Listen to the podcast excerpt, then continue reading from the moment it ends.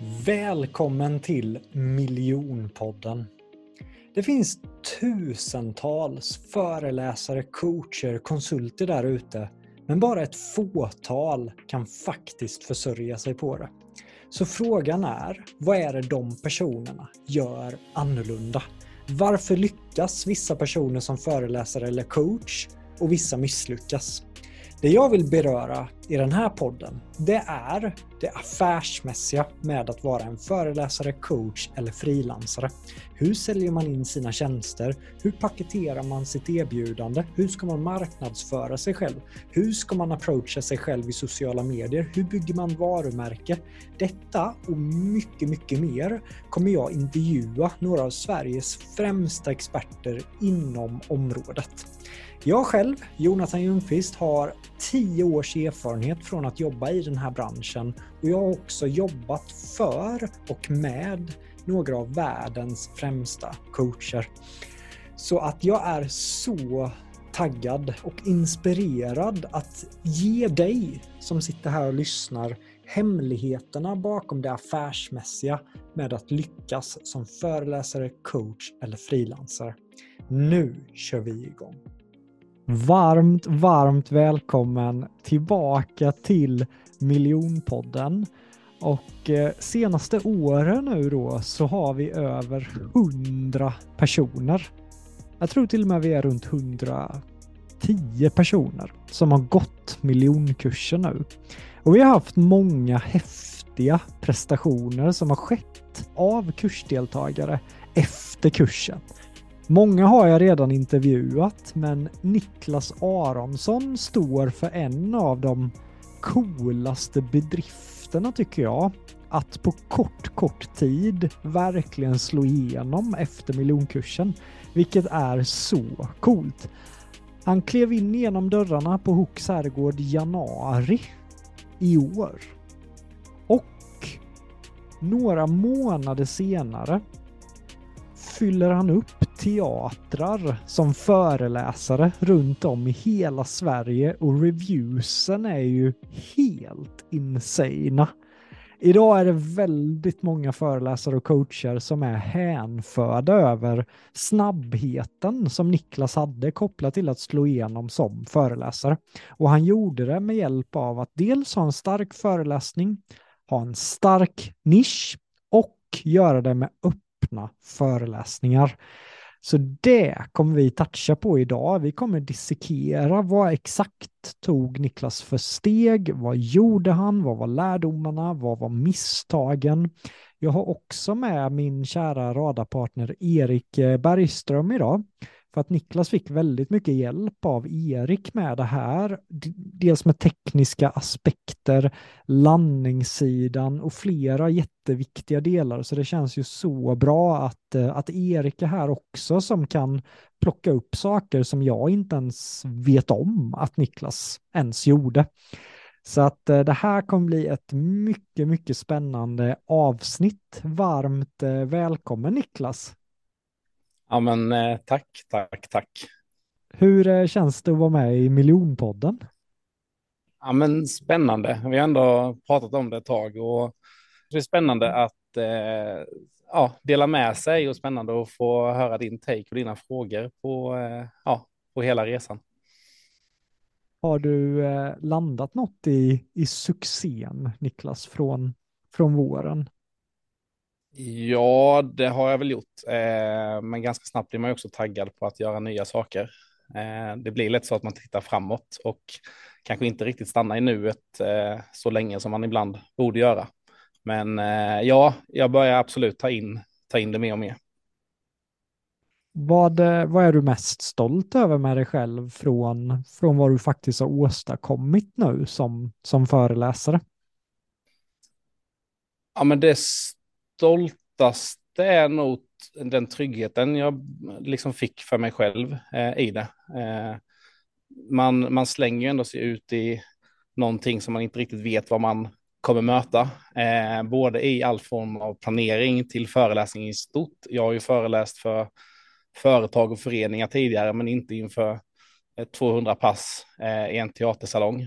Eh, så tryggheten som jag själv byggde upp och de rutinerna som jag byggde upp kring att få det att funka eh, från varje stad till stad och få allting att se ungefär likadant ut. Eh, det är jag faktiskt väldigt stolt över för att inte ha gjort tidigare.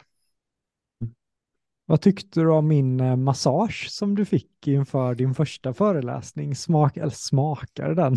Kändes den bra Niklas? Helt avgörande. Nej, det var, det var inte en kväll man ville missa kände jag att eh, har du sett den där filmen A Star is Born, Niklas? Mm. Amen. Jag kände ju att det här är ju din kväll. Här, här vill man vara med och se det här innan du blir för känd så att du inte har tid för sådana som mig. Ja, är den eh, nervositeten inför första föreläsningen, eh, där när du och Erik ramlade in innanför dörren, eh, den, den är sällan skådad. Jag har ändå gjort rätt mycket inom både idrott och annat, men eh, där var det, det var något, eh, ja, unikt och extra och fram, alltså, fortfarande väldigt spännande och något man såg fram emot. Men eh, då satt känslan på utsidan. Så eh, ja, det var speciellt. Erik, eh, vad är du mest stolt över med eh, Niklas vår? Ja, men hela, hela prestationen, som du sa i början, jag har ju gått den resan och vet hur mycket jobb som ligger bakom. Eh, att bara hålla en sån en sån eh, föreläsning och att göra det så intensivt som du gjorde under, under ja, en månad var det va? Du var ute ungefär. Eh, ja, strax över. Det var oerhört imponerande. Så jag är stolt över att du först och främst gjorde det, men också hur du gjorde det och att du tog hand det och gjorde det så seriöst som du gjorde det. Så stor klapp på axeln till dig. Ja, tack. Det var med. Snart står det väl en sån här stor statyett på dig i Ljungby, Niklas? Nej, man var aldrig profet i sin hemstad eller vad är det man säger? Men eh, innan vi hoppar in i allt praktiskt och, och, hela rubbet så tycker jag ju verkligen att din story är ju så, alltså jag blev helt tagen första gången jag hörde din story där på Hooks herrgård och, och den tagenheten höll i sig så att när jag körde till Stockholm en en vacker dag så kom jag att tänka på din story och jag blev så berörd att jag var tvungen att stanna bilen, skicka ett röstmeddelande till dig för jag bara kände att Niklas vill jag verkligen jobba med. Vill du eh, berätta kort eh, din story Niklas? Och vad du faktiskt föreläser om? Ja, men det kan jag göra. Eh, storyn för första, det, det spänner ju sig väldigt lång tid tillbaka. Jag är ju 35 idag. Eh, när jag var 15-16 så började väl någonting utvecklas mot ett spelberoende som jag inte riktigt förstod där och då. Eh, som sen tog ordentlig fart eh, när jag var runt 19-20 år ungefär. Eh, jag hade ju x antal olika krascher, jag hade ju fem olika krascher där på nästan tio års tid. Eh, och en krasch var ju då när jag fick kapitulera eller berätta om det. Och, eh, det stora bekymret var att aldrig någon vågade prata med mig om detta. Och jag vågade inte själv prata med någon annan om det. Eh, och efter ett suicidbrev eller sms som jag skickade 2016 så trodde väl vi alla att det skulle ta slut, både min familj som har hjälpt mig varje gång och även jag själv. Eh, men det gjorde det ju inte och 2017 till slut så kraschade jag för min sista gång. Då hade vi egentligen försökt allting, alltså varit via socialtjänsten, försökt med öppenvårdsbehandlingar, försökt via stödorganisationer, terapeuter, psykologer. Eh, men aldrig var det någon som hade egentligen haft egen erfarenhet av det. Utan alla hade lärt till sig kunskap. Och 2017 då när jag kraschade sista gången eh, så hade jag och min dåvarande tjej eller sambo eh, precis köpt ett hus som vi höll på att renovera. Så det blev lite extra känslosamt för att då hade man ändå nått ett av de målen man hade i livet. Och eh, det slutade med att vi akut eh, fick åka in till psykiatrin över natten och sen dagen efter fick vi åka till ett specialistbehandlingshem i Linköping. Och där och då växte ju min liksom ganska snabbt viljan och lusten till att ingen annan ska behöva gå igenom det här så länge och faktiskt vilja söka hjälp men inte få rätt hjälp. Eh, och då började jag utbilda mig och läsa och plugga egentligen allt jag kunde göra. Eh, ihop med att jag har en sjuksköterskeutbildning eh, i grunden. Så eh, där växte viljan i att nå ut. Sen är det klart att rätt läge skulle komma och var ska man börja och när ska man börja.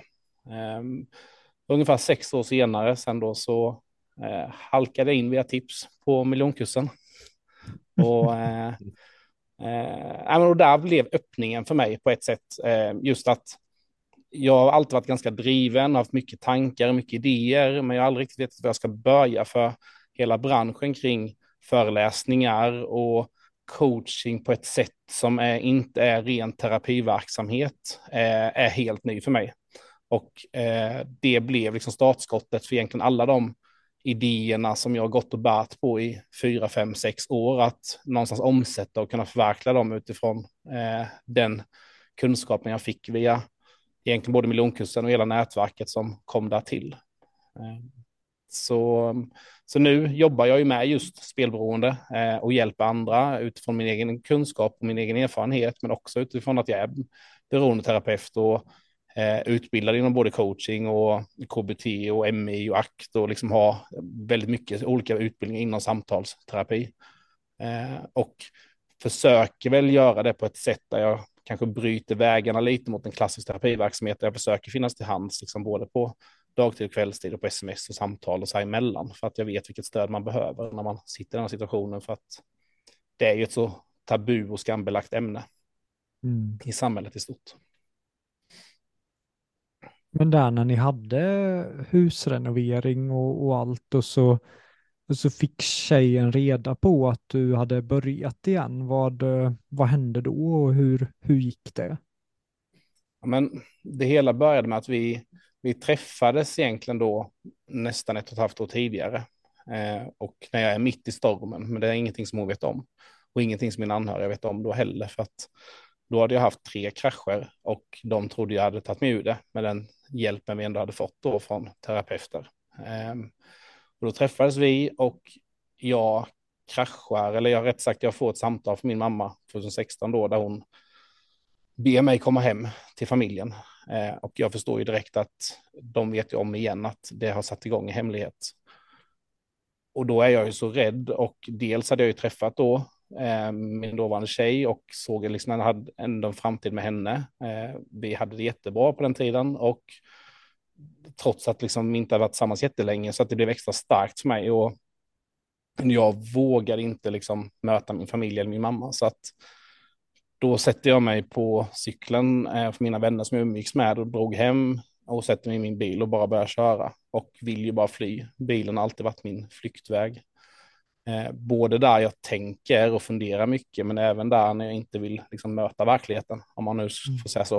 Eh, och väljer att åka ut i skogen och eh, sätter mig där med när tårarna sprutar och har sprutat i kanske upp till en timme och börjar till slut skriva på det suicid-smset till eh, min familj och mina syskon. Eh, där jag skriver uttal, uttalat att jag vet att jag fastnat i det och att det är ingen som kan hjälpa mig och att min familj har försökt göra precis vad de kan eh, och att jag ber så jättemycket om ursäkt för vad jag liksom orsakat, ställt till med och ja, att jag önskar att vi kommer ses i himlen eh, sen för att jag, jag orkar inte möta detta.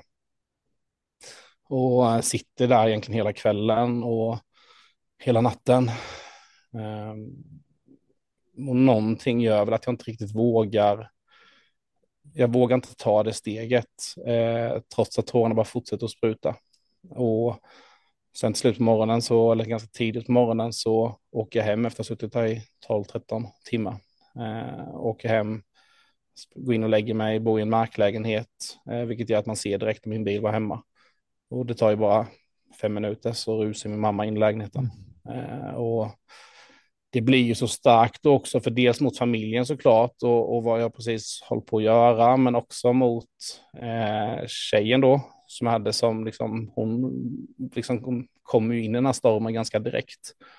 Och är väl den stöttepelan där och då får jag ändå säga som inte dömer, och det är den första personen kanske på de här sju, åtta åren då som inte dömer mig, som bara så här, vi löser det här, vi fixar det här, jag finns här eh, som är supertydlig med att hon kommer finnas kvar. Eh, och då har vi egentligen försökt göra allting innan dess eh, via, som, som, som jag sa innan då, eh, allt från kommun till socialtjänst till vården. Och ingenting hade ju funkat så att eh, vi tänker väl, eller min familj tänker väl att det var så starkt känslo, känslouttryck där och då, en så stark händelse för mig att liksom det, nu borde liksom vi kunna landa, nu borde man kunna förstå att det inte borde ske igen för att återigen den här tabun och skam, skammen som finns i samhället om att det är bara att sluta eller att det inte är en sjukdom. Eh, mm. Det var väl det de också levde i trots alla år de hade varit med i detta. Att så, nu borde han ju förstå att det bara är att sluta. Nu borde han inte fortsätta igen. Och sen så går det ju ungefär ett år. Och vi har köpt det här huset då och håller på att renovera, jag är mitt i en renovering. Och då har det ju börjat igen ganska, ganska snabbt fram på hösten. Så att det, det håller ju på där igen och då är man ju tillbaka i den här känslan att jag hade gjort vad som helst för att komma tillbaka på ruta ett. Att liksom ha det här husköpet, husrenoveringen utan att ha den här hemligheten med mig. Att jag ville bara göra allt. Jag vill göra allt för att fixa detta innan vi flyttar in för att då vill jag liksom flytta in med ett rent samvete. Eh, och då är vi uppe i, uppe i Göteborg med några vänner, ska kolla på Håkan Hellström. Och jag vet när vi åker upp dit att jag är lite brev som jag glömt hemma i lägenheten som min tjej då skulle eh, flyttstäda. Och eh, jag går väl egentligen och väntar hela dagen uppe i Göteborg på att få det där samtalet som jag då tror ska avsluta hela vårt förhållande och egentligen hela husrenoveringen och allting. Det kommer inte under hela dagen och någonstans är det väl ganska befriande för att återigen det blir en flykt. Eh, men sen under konserten så får jag det där smset från henne. När hon har hittat alla brev och där hon skickar en bild på breven och frågar vad det är jag döljer för henne. Eh, och då är det ju total ångest såklart. Jag får ju jag får en fullständig blackout där under egentligen hela kvällen och dagen efter. Jag har ju fått sitta med personer som jag var där med och vänner och få förklarat för mig vad vi gjorde på kvällen och vad vi gjorde på morgonen och vad vi käkade innan vi åkte hem och så vidare. Så att nej, känslomässigt så är det ju, det är ju ren och skär ångest och eh, ja, bedrövelse över sig själv, eh, ska jag säga. Mm. Jag är ändå nyfiken, vad, eh, vad fick dig, för, för jag vet ju när du växte upp, du var ju lagkaptenen, stött stöttepelaren, den trygga mittpunkten med ett stort ledarskapsansvar. Vad, vad fick dig att börja med spelmissbruk? Men jag vet inte, på, på ett sätt så, vi började spela poker med kompisarna när vi var runt 15. Eh, på ett eller annat sätt så tror jag ändå att det exponerade mig för att komma in i världen av spel. Eh, eller om spel om pengar, även om vi spelade för inga pengar alls, eller på säga på den tiden när man hade barnbidrag. Eh, utan för att det var roligt och i, i stort sett för mynt. Eh, så tror jag ändå någonstans att det väckte någonting i mig som jag inte riktigt hade en aning om att jag hade i mig där och då. För att vi gjorde ju det i en två, tre år och sen eh, när jag blev 18 man fick börja spela på internet så började jag göra det i hemlighet. Eh, då spelade jag till viss del på poker, men framförallt började jag ju spela på sport där och då. Och då är, där var det såklart mitt idrottsintresse som, som istället väckte, väckte min, min egen tro på att jag ändå har en kunskap som gör att jag kan det här. Tillsammans med att jag då såklart hade liksom, sidor i mig eh, som kunde utvecklas till spelberoende, men det visste jag inte där och då. Så att eh, då, då körde man ju på eh, hemma. Det var inget man pratade om inte för att jag skämdes där och då, för då var det ju inga större summor på något sätt, utan mer känslan av att det var något man gjorde som en hobby liksom. Sen utvecklades ju det eh, drastiskt under de kommande åren då. Så jag tror som sagt kunskapen inom att jag var så idrottsintresserad var nog till min nackdel och det vet vi också statistiskt sett att det ligger inom idrotten, alltså kollar vi på befolkningen så pratar vi ungefär 3,5 till 4 procent som har problem med spel om pengar. Eh, kollar vi inom de fyra största lagidrotterna i Sverige så är det 13 procent i en matchad grupp mot befolkningen i övrigt. Eh, och det är en enorm, stö mycket större skillnad. Eh, det innebär ju också om vi pratar en lagidrott där vi har 20 personer i varje lag, alltså 40 personer som, om vi till exempel ishockey, eh, så innebär det ju i stort sett att det åker runt fyra eller fem personer där ute på, på planen som har problem med att spela om pengar i varje match. Eh, mm. Allt ifrån ungdom, junior till seniorlag. Så idrotten, idrotten var nog inte min väg in i det, men idrotten var nog en av delarna som utvecklade att jag trodde det var något jag kunde. Absolut. Just viljan av att vinna. Ja, viljan av att vinna och viljan av att det är något jag är bra på. Eh, för att hela idrotten bygger ju på, på ett eller annat sätt om spel och även även delarna runt omkring att vi säljer lotter, man är i sammanhang där man liksom det sponsrat av, av olika spelbolag när vi kollar, alla, alla ligor och seniorlag vi kollar på, men även när vi är i ungdomslag och juniorlag så spelet är ju alltid till hands på olika sätt. Eh, jag kan komma ihåg att man, man, man var och spelade på, på oddset på Svenska Spel för 10 kronor eh, och försökte lämna in den när man var 16-17 och man egentligen inte fick och liksom så här tävlade lite med kompisarna om vem som blev stoppad. så att jag tror ändå idrotten exponerar ändå för, för spelvärlden på ett sätt. I alla fall när det handlar om spel om pengar på sport. Mm. Om du hade fått, eh, om, om du hade bara i en tidsmaskin flyttats tillbaka och du hade träffat dig själv precis när du höll på att komma in i det här beroendet, vad hade du sagt till, till dig själv då? Jag hade nog varit... Eh, ja, men ett par saker, jag har faktiskt tänkt på det några gånger. Eh, dels så hade jag nog inte velat vara så nyfiken på att bli liksom duktig på allt, eller den, den delen som jag kanske då har som en del positiv egenskapen och det som också jag fastnat i, det, alltså just mitt driv, är att jag vill kunna allt, eller jag har svårt att liksom acceptera att jag inte kan det, utan då gör jag saker till jag lär mig. Eh, jag hade nog velat acceptera ganska tidigt och inte ens testa. Eh, faktiskt. Jag, att det inte ens det är ingenting som tillför någonting. Eh, det är ingenting som tillför något i livet, det är ingenting som tillför någon glädje, det är ingenting som tillför eh, något extra på något sätt. Eh, så jag har nog bara velat säga till mig själv att, att det, är, det är inget som är, ens är roligt. Eh, är, är nog faktiskt det, för det är ändå det ska vi inte glömma när vi pratar spelberoende eller spelmissbruk i stort, att det är ju ändå någonting som har gett oss som har fastnat i det och många andra i Sverige och världen, det är ändå någonting som har gett oss någonting någon gång. Eh, det är ju inte en klo som bara gör att man fastnar, utan det är ändå gett en form av glädje och en form av rus, en form av, av avslappnad eller en värld man försvinner bort i. Så att eh, det är nog snarare att jag hade sagt till mig själv att det finns mycket annat man kan lägga tiden på, liksom, än att eh, bli duktig eller göra det, just det. Och det jag tycker är intressant är att den, den egenskapen då som fick dig in i spelmissbruken var ju samma egenskap säkerligen också som fick dig att faktiskt lyckas med din turné, för du ger dig in och du ger dig fan i att lära dig det och du blir grym på det. Eh, så, så det tycker jag är intressant att den har dels tagit dig ner men den har också tagit dig upp. Och just att din förmåga nu då att kunna tygla den kraften är ju en superkraft. Ja, men ex exakt så är det. Och det är ju någonting som man har fått eh, jobba ganska mycket med när det gäller just, eh, eller mycket av det som jag lärde mig när jag väl åkte iväg på behandlingshemmet, att göra skillnad på vem jag är och mina kunskaper och vad jag har fastnat i för att, eh, och liksom se saken för vad saken är. Eh, för jag hade absolut kunnat bli livrädd för det och lägga bort alla mina viljor och all, all den drivet som jag själv känner att jag har eller som jag får energi av att ha. Eh, och välja att jobba på ett 7-4 jobb som inte är något fel men som jag känner inte är något för just mig.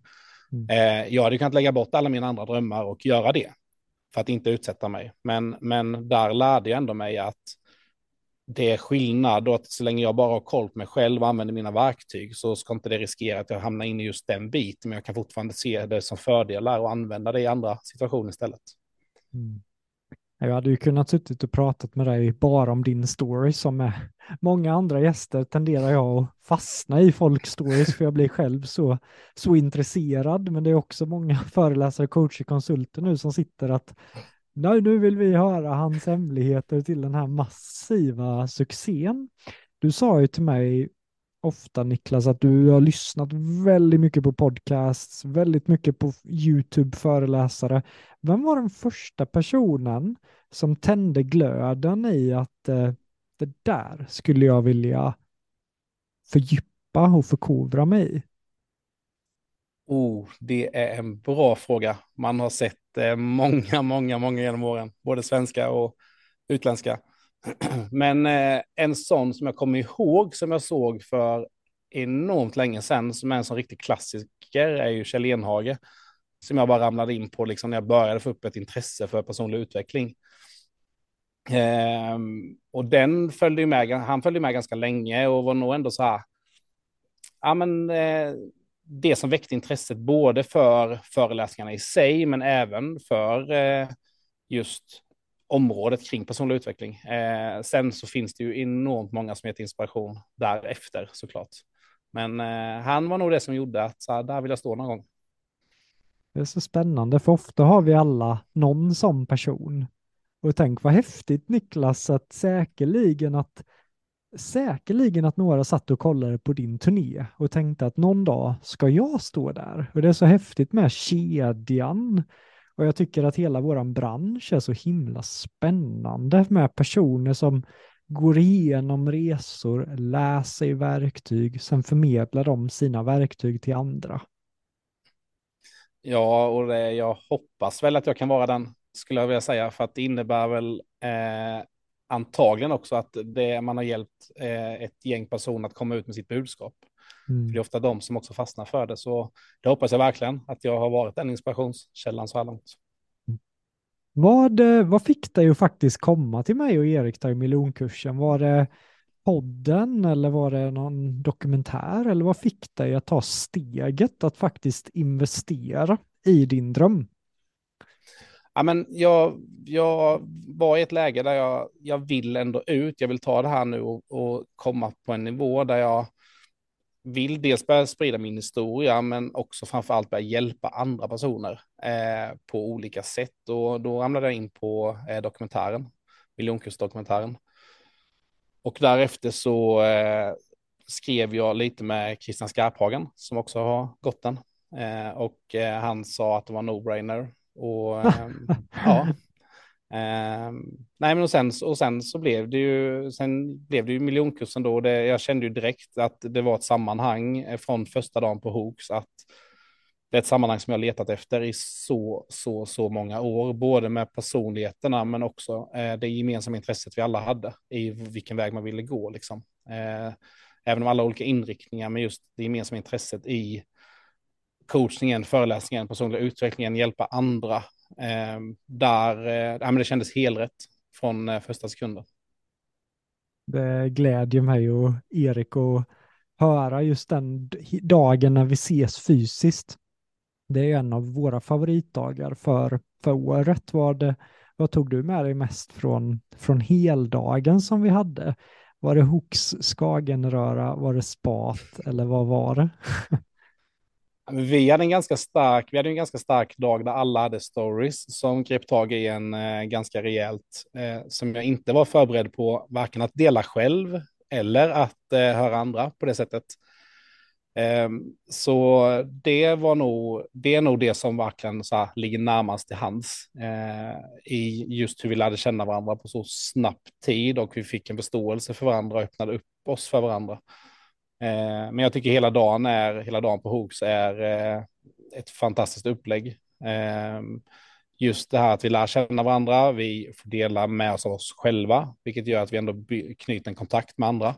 Och samtidigt så får vi kunskap av dig redan på plats, eh, ihop med att vi då har spat och får lära känna varandra ännu mer på ett mer avslappnat sätt. Så att, nej, det är en dag som eh, hos mig ligger faktiskt väldigt, väldigt nära hjärtat, ska jag säga. Ja, men det, hur känner du med den dagen, Erik? Ja, det var ju verkligen eh, magi, som du sa, så många starka stories, så många härliga personligheter och så det är så fint att se hur ni fortfarande hänger ihop och följer upp och åker på event tillsammans. Så det är eh, alltid lika härligt. Men du sa ju till mig Niklas att det viktigaste som du tog med dig egentligen därifrån, det var ju själva psykologin av att eh, du började ställa om mentalt till att faktiskt jag är en föreläsare, jag är en coach, jag är en företagare. Eh, berätta mer om, om det Niklas. Men jag kommer från en eh, bakgrund där mina föräldrar drivit företag i 35 år, är väl 35-36 år och där jag själv har drivit ett par bolag sedan tidigare och min bror driver företag och eh, där jag har levt i den världen, men det har nästan alltid varit att man har sålt produkter på olika sätt.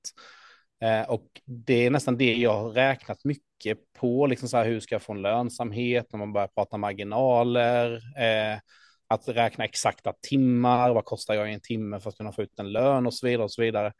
Eh, efter Hooks och även liksom filmerna man fick se inför i miljonkursen så kom man ganska snabbt in i tanken och känslan av att, att man börjar ge ett värde och man börjar sälja liksom en helhet och, och man börjar fundera kring vad det är man hjälper till med och vad nästa steg är och att det inte behöver vara just en intäktskälla utan att man kan ha jobba lite som föreläsare och hjälpa personer och ha onlinekurser och liksom det blev en sån inspiration i helheten och den världen öppnades upp för mig egentligen bara, den dörren har väl alltid stått lite på glänt, men jag har aldrig tänkt på liksom ens att det finns program för vad kan jag ha mina kurser, vad kan jag dela med mig av, hur ska det se ut, hur ska bakgrunden se ut, och behöver man för utrustning, hur kommer man ens igång med föreläsningar, kan man ens boka en föreläsningslokal? Så mycket sånt, hela det mindsetet går från att sälja produkter och räkna marginal på en produkt från ett inköp till vad man behöver ut. Och räkna liksom aktiva konsulttimmar, om man nu får eh, så, så att så blev hela, hela starten miljonkursen för mig blev ju en boost i att ställa om till att jag ska börja sälja mig själv och synas själv och stå i första rummet själv och att det krävs om jag vill göra det här.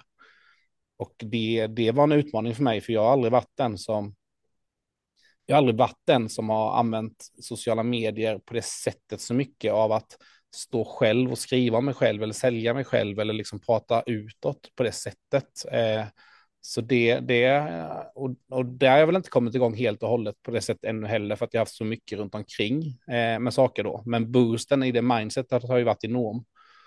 Eh, att jag måste eh, sälja och prata om och för mig själv och inte om en produkt längre eller om någon annan. Mm.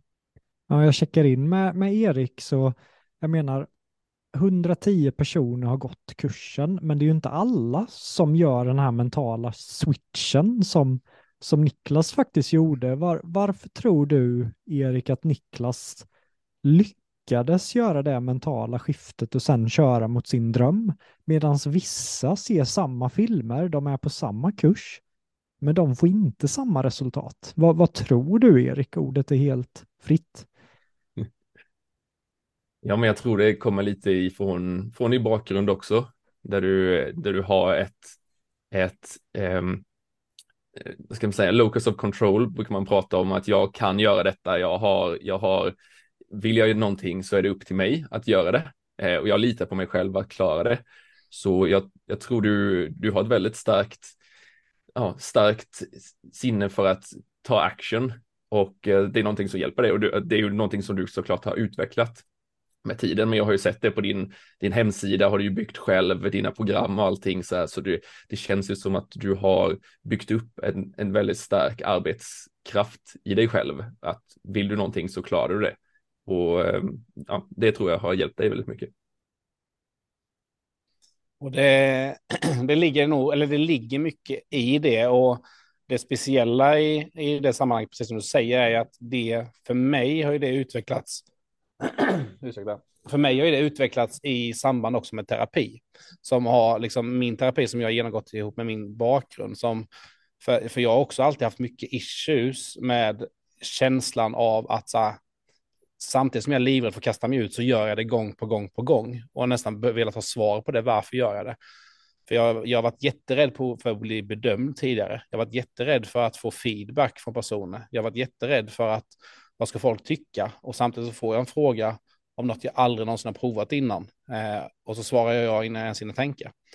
Och, och eh, det har väl det, det är nog det jag börjat kunna omsätta här, för här har jag kontroll på ett helt annat sätt i, i eh, dels hela branschen, men framförallt som är föreläsningar, för där är det upp till mig. Eh, och jag är fortfarande kanske, jag, liksom, det finns en rädsla inför, men känslan för att faktiskt gå till action har, väl, har jag nog fått svar från genom eh, ganska mycket av eh, allt jag lärt mig genom åren också, eh, som du säger, från min bakgrund. Med. Snyggt Niklas, så bra tillägg Erik. Det här är också första gången jag ens har med en medintervjuar Erik på det här sättet, så du får gärna så här bryta in, räcka upp handen och komma in och verkligen Erik, jag eh, är inte en professionell medhost än så länge, men som med så många andra så tränar vi. Jag tycker bara det är kul att, att ha med dig Erik.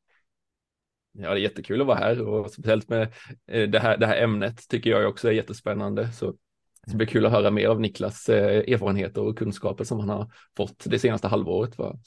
Mm. Men jag kommer aldrig glömma heller Niklas när du, när Emil Grabov körde sin öppna föreläsning.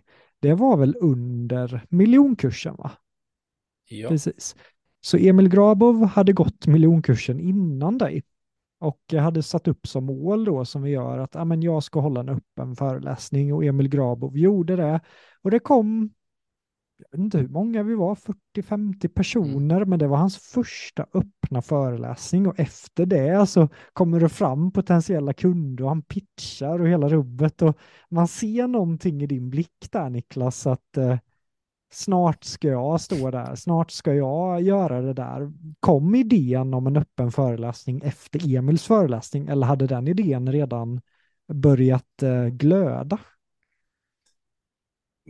Kombination tror jag. Idén hade nog kommit tidigare, men jag tror inte jag trodde på det riktigt. Eh, och det är ju en av de en av, en av de egenskaperna som jag har på gott och ont, att jag eh, i det här med att man nördar ner sig, då vill jag då åker jag på Emils föreläsning, dels för att jag gärna ville lyssna på hans helt otroliga historia, men också för att liksom få inspiration och hur har han gjort och hur inleder han och hur ser det ut och hur avslutar han och hur gör han efteråt. Och, och från den dagen så då, boka, då började jag ju boka olika föreläsningar runt om i städer runt omkring som jag började åka på för att få inspiration till mig själv. Eh, alltså motivationsföreläsare som jag aldrig hört talas om innan, som jag upp reklam på Facebook och så vidare. För att det är ju därifrån jag någonstans omsätter, eh, jag tar lite smådelar och omsätter till min egen vision. Eh, så absolut att det startade nog eh, med Emils föreläsning av att jag vågade ta steget. För fram till dess visste jag inte ens hur, hur ska jag börja, hur ska jag inleda, vad händer när jag börjar släppa in folk? Eh, sådana små delar, små detaljer som man är osäker på inför. Så det var en stor, en stor betydelse. Vad, eh, vad tog du med dig främst? För du gjorde ju dundersuccé. Jag har ju en final i miljonkursen där vi bjöd in ungefär 100 pers. Det var talagenter och hela rubbet och du fullständigt eh, hänförde ju folk under finalen. Vad, eh, vad kände du med finalen och din leverans där? Ja, men den är, det är otroligt viktigt. Det blir, hela finalen blir ju som en form av om vi ska uttrycka accountability-partner på vägen fram, att det blir ändå det som man sätter liksom en, den sitter på högra axeln och man vet att den kommer. Eh, sen hade jag ju bestämt mig för att jag skulle vara mycket mer förberedd, eh, men när jag väl började skriva så fick jag lite den här brain freezen av att vad, vad vill jag få fram och hur ska jag få fram det på rätt sätt? Och till slut så valde jag faktiskt att gå in i eh, ja, men lite mer gå in i hjärtat. Ja, vi hade ju några i vår grupp som, som sa just det här att liksom, vi, ska in, vi ska inte hålla på och leverera massa värde på det sättet, eller vi ska inte leverera en femstjärnig grej här, utan vi ska göra det som träning och göra det för oss själva och göra det vi själva tror på eh, och ha roligt. Och det anammade jag enormt mycket. Eh, så, så finalen var ju viktig och den var ju också viktig för sin egen känsla, för när man fick det gensvaret så blev det ju absolut en boost av att det är det här jag vill, det är det här jag vill ut och göra och framförallt gå lite på momentumet i sin egen känsla. Ehm, så det var därefter planet och planerna tog fart ganska snabbt i vad jag ville göra. Sen visste jag inte riktigt vilken storlek jag ville ha föreläsningsturnén på. Ehm, men, men finalen var viktig, absolut. Mm. Hur, hur valde du ditt ämne? För att man kan ju tänka att ja, men det är väl lätt att du har ju upplevt spelmissbruk. Det var det du kom in med i miljonkursen, men sen började du tveka om det var för litet det ämnet och att du kanske skulle gå bredare. Men sen kom vi tillbaka dit, så det var ju en väldig väg som tog din ena vänster efter högersväg. Men hur landar du till slut i, i ditt ämne som du faktiskt att ah, men det här är ämnet jag vill tala om? Men från början så funderade jag mycket kring att eh, jag vill sprida min historia. Och sen kände jag till slut att fast min historia är inte det är klart att den är intressant, men det var ju också något som kom fram under miljonkursen, hur viktig den är i förtroendebyggande för att man ändå har gjort resan eh, mm. och hur viktig den är att ha med sig.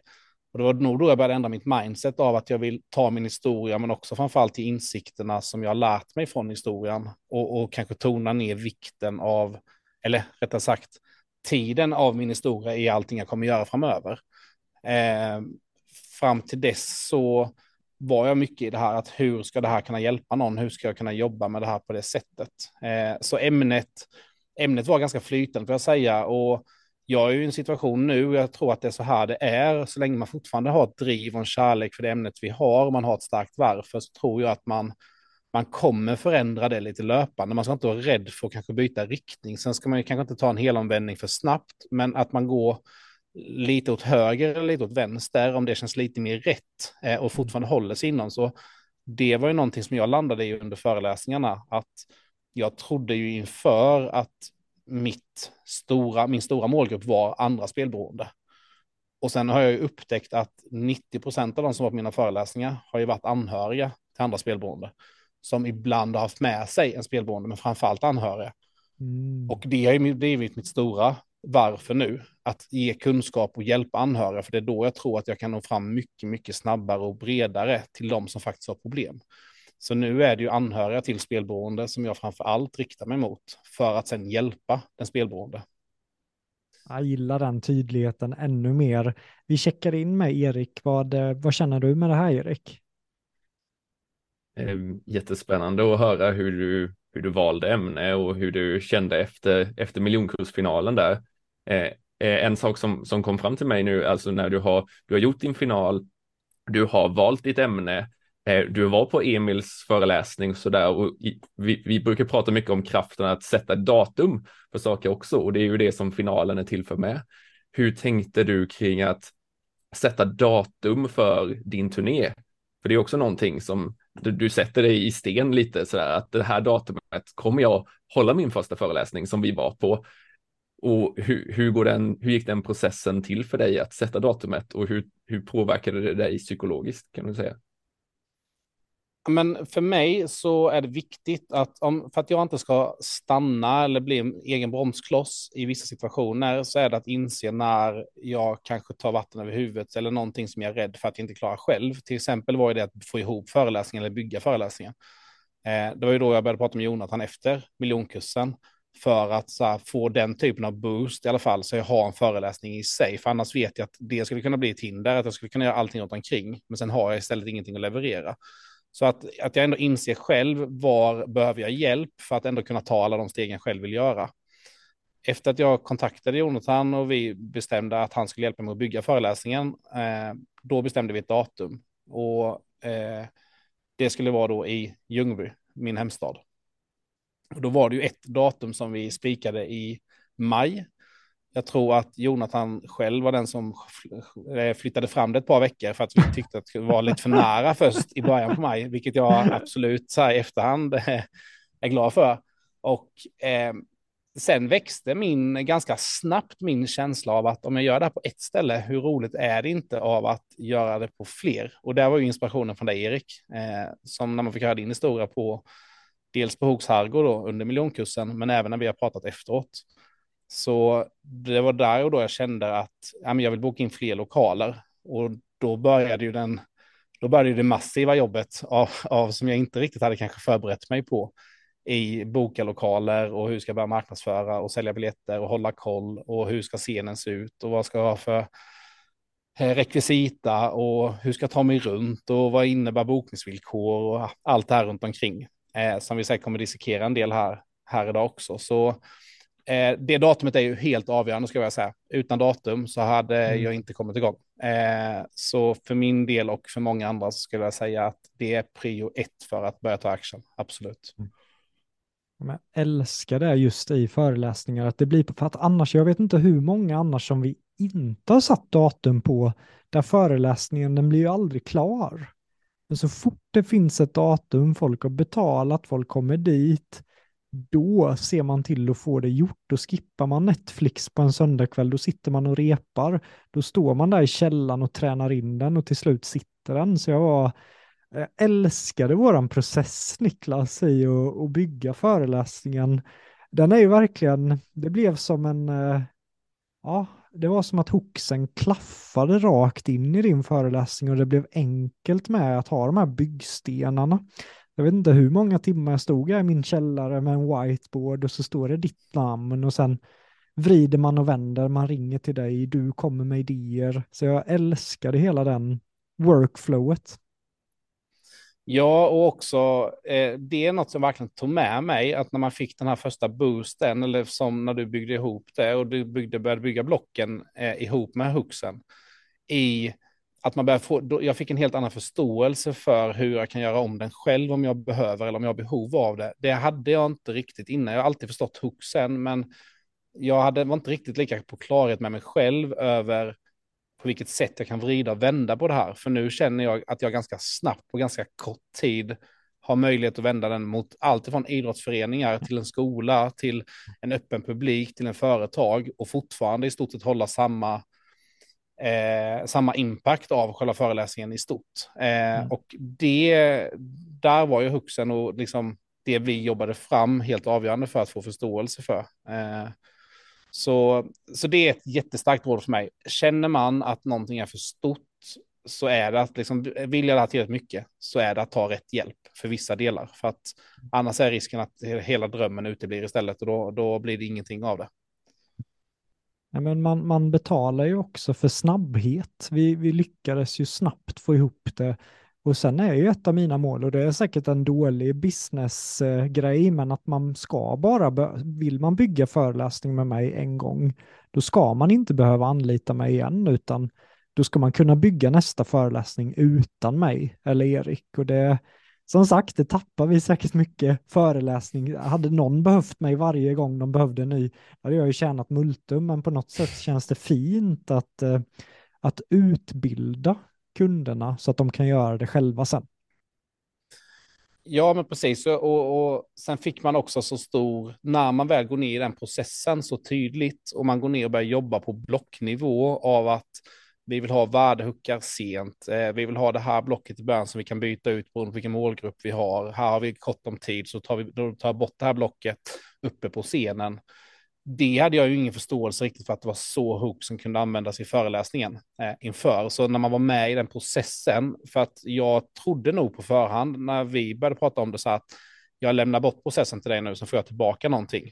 Mm. Men då hade jag ju inte lärt mig någonting på det här. Så Nej. av det här att vi gjorde det tillsammans, att det liksom skickas fram och tillbaka, att man pratar om det, att man bollar tankar och idéer, var ju helt avgörande ska jag väl säga för att jag nu kan göra en ny föreläsning själv. Kanske det är så att man mer ta hjälp eller få feedback på någonting. Men det var ju avgörande att få vara med i processen så mycket skulle jag eh, vilja påstå. Du var ju så hungrig också och då blir det kul för mig. Och det var ju som att när vi skulle bygga förtroendet då för KAS, kommunicera, agera, stödja, vilket också jag tycker var en sån Ja, alltså det, det har jag och Erik snackat mycket om att kraften att namnge sina verktyg.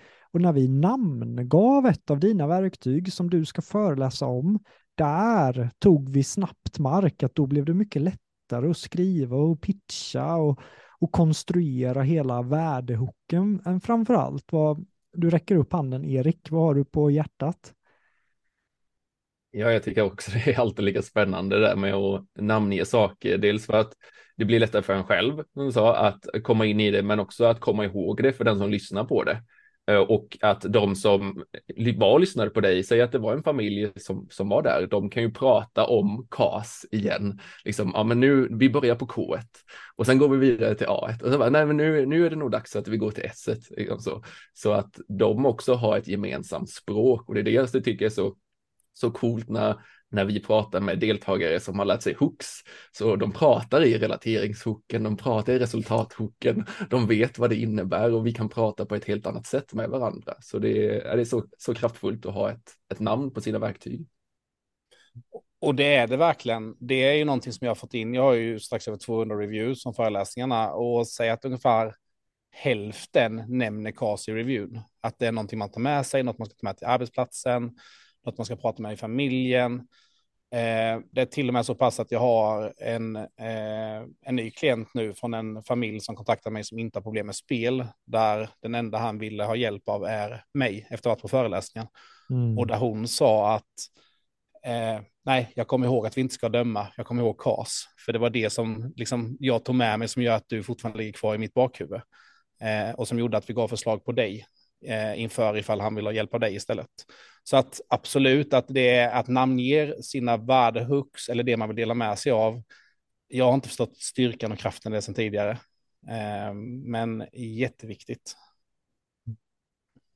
High five på dig Erik, för det var du vill jag säkerligen tro som, som introducerade det till mig och det fick ju mig att döpa saker. Miljonkursen, hooksen, det sätter sig i folks huvuden. Allting blir lättare mm. om det finns ett namn på det.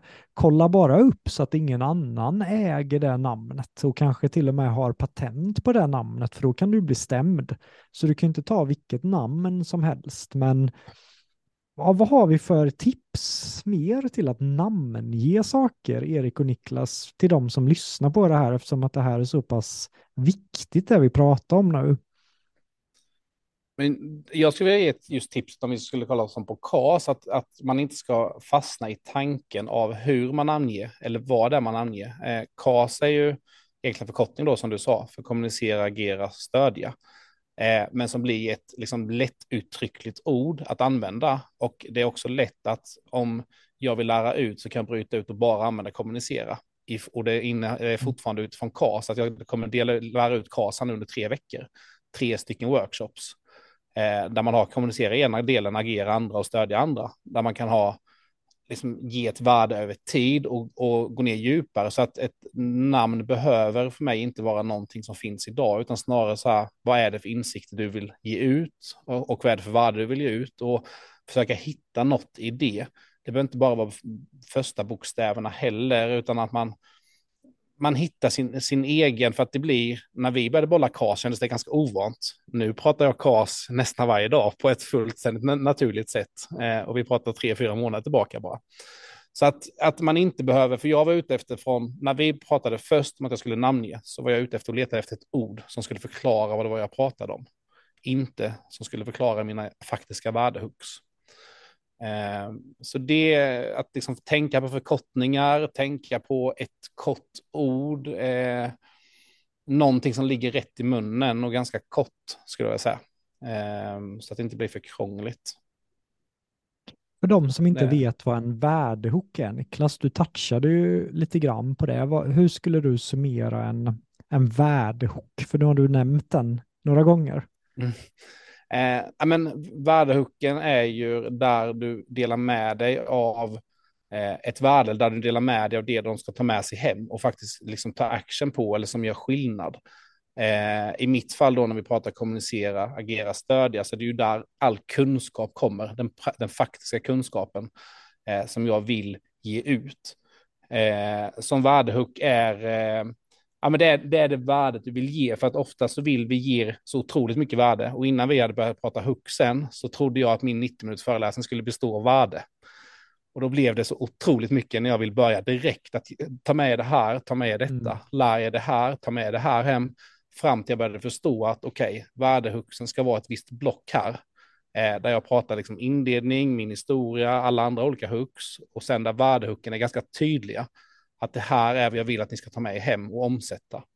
Och det blev så, det är det som tror jag har gjort att folk verkligen kommer ihåg KAS, mina, mina slides, som jag, jag har väldigt tydliga slides på scen, eh, väldigt lite text och bara för att liksom betona headpoints, men det är fortfarande KAS som folk pratar med efteråt. Eh, och det berör ungefär en tredjedel av 90 minuter. Så, så värdehook är där du verkligen ger med dig av det värdet du vill någon ska ha. För värde kan vi inte hålla på att ge hela tiden, för då tappar vi liksom då tappar vi lite, eh, jag tror vi tappar åhöraren och målgruppen i det. Du borde ju nästan bli ett, ett exemplariskt svar, Niklas. Vi båda är väldigt stolta. Eh, Erik, vad känner du? Jag, jag eh, ty, ty, tyckte det var jättebra svar där också som du gav och att man inte hela, hela tiden kan ge värde. Det är ju lättare i början att man tänker att jag ska göra punkt 1, punkt 2, punkt 3, punkt 4, det här ska du ta med dig. Men risken då om man gör det antingen i en föreläsning eller i, en, i, i en Zoom, Zoom-kväll eller i en onlinekurs, det gör att du förlorar själen i det. Att, för vi, vi tar med oss KAS för att vi vet din story till exempel. Vi vet din bakgrund i det eh, som du började med och då blir ju KAS mycket mer kopplat emotionellt. Eh, om man bara ger punkter, eh, då, mina tio bästa tips, det, det, det, är bara det du ska få under den här föreläsningen. Då finns det kanske ingen riktig emotionell koppling och det blir mer som en, att man bara läser det i en, i en, i en, i en, i en Ikea-manual, liksom. steg ett gör detta, steg två detta. Så, så viktigt att få med de olika hooksen, att skapa känslor också kopplat till det. Och det som jag också tyckte med värdehuxen som var bra under föreläsningen när vi la upp det som man la upp det var att vi byggde in fyra stycken värdehux egentligen som bestod av då KAS men även ett, en hook som består av misstag. Att gör inte det här. Vilket också gör att det är ganska enkelt om man känner att man får tajt med tid. Så bara okej, okay, men undviker jag den, den värdet. Men jag är fortfarande väldigt tydlig med att de här tre vet jag att det kommer göra skillnad. Jag vet att de kommer ta med sig de här hem. Och oavsett hur föreläsningen har varit innan så vet jag att det är tre hugg som verkligen når fram. Som jag inte bommar. Så att där blev, det blir också en väldigt tydlighet för mig att börja tänka de banorna. Istället för att ska jag ge värde under 90 minuter eller 60 minuter, om vi pratar föreläsning, så är det så lätt att man går av och känner så här, jag skulle ha sagt det här, jag skulle ha sagt det här, undrar om de kommer ihåg det här, jag betonade inte detta lika mycket som jag skulle ha gjort. Eh, för då blir det så mycket på känsla istället och någonstans när vi är på en föreläsning så motivationsföreläsningar, ja då vill vi få personer motiverade, men har vi ett varför vi vill ge ut, då vill vi ju verkligen att personer tar med sig konkreta saker hem. Mm. Det var ju mitt mål hela tiden. Jag vill inte att det här ska vara något vi glömmer efter en timme när vi kommit hem, utan jag vill att de verkligen ska komma ihåg den. Ehm, så koncentrera ner dem och snarare håll ihop dem skulle jag vara mitt råd i alla fall utifrån mitt upplägg föreläsning. Snyggt eh, Niklas. Så vi köttade på med, eh, med föreläsningen, men här börjar du parallellt eh, inspireras väldigt mycket av Erik också, just att okej, okay, men nu är det dags, vi har satt ett datum, jag har en lokal, jag har en lokal att fylla, jag har en landningssida att skriva, det ska system in i biljetter, alltså vart börjar man någonstans? För det är så många olika delar till som krävs här. Ja, men för det första ska man ju vara medveten om att man inte behöver ha allting spikat från första dagen. Alltså man kan ju få det att växa efterhand och utveckla det efterhand. Men för mig så var nästa steg efter vi hade datum var att eh, kontakta biljettleverantör. Eh, en, I mitt fall så använde jag en hyfsat lokal eller från Växjö som vi använt tidigare inom idrotten som heter eh, Shoutout Biljettkiosken nu då, men eh, fantastisk, smidig och enkel och man får jättemycket hjälp om man är första gångs eh, användare av dem.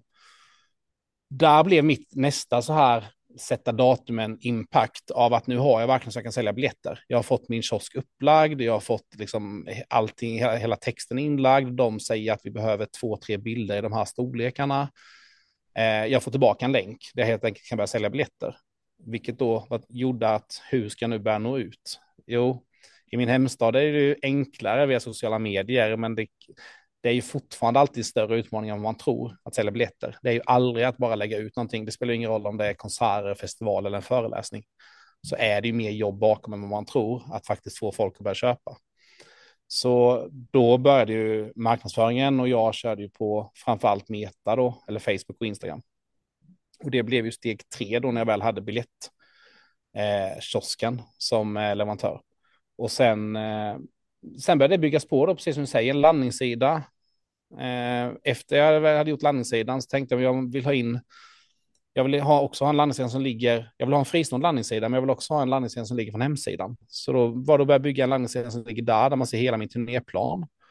Och det, den gjorde jag inte direkt, utan den gjorde jag ju efterhand när jag kände att det började rulla biljetter, min, min motivation ökade. Eh, jag började testa lite olika layouts på bilder. För hade jag fått allt framför mig och tänkt att jag måste ha allt klart innan jag trycker på knappen, då hade jag nog inte heller tryckt på knappen. Utan någonstans komma igång med de här mest vitala delarna. Mm. Liksom jobba på din föreläsning så du börjar bli trygg med den. Eh, boka biljett, eller se till att du har så du kan börja sälja biljetter. Boka din lokal. Sen kan man börja fundera på det här, hur vill jag att scenen ska se ut? Hur vill jag att eh, det ska vara runt omkring? Vad ska de mötas av i entrén? Eh, vilka mer kanaler kan jag nå ut för att sälja biljetter? eh, och så vidare. För det finns ju en hel del mer man kan göra än ren marknadsföring.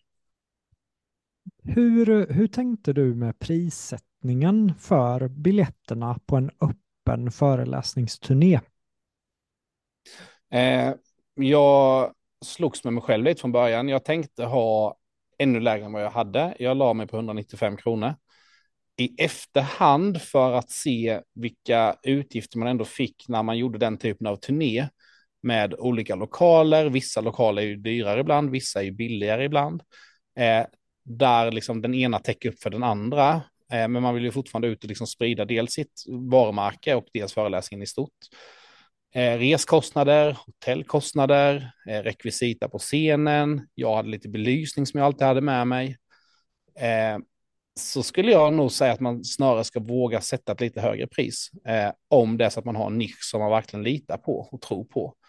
Eh, för i mitt, i, min, i mitt läge så är de spelberoende, vilket är ganska unikt att prata om. Eh, vilket också gör att de som faktiskt behöver och vill ha denna kunskapen hade nog betalat en hundralapp extra.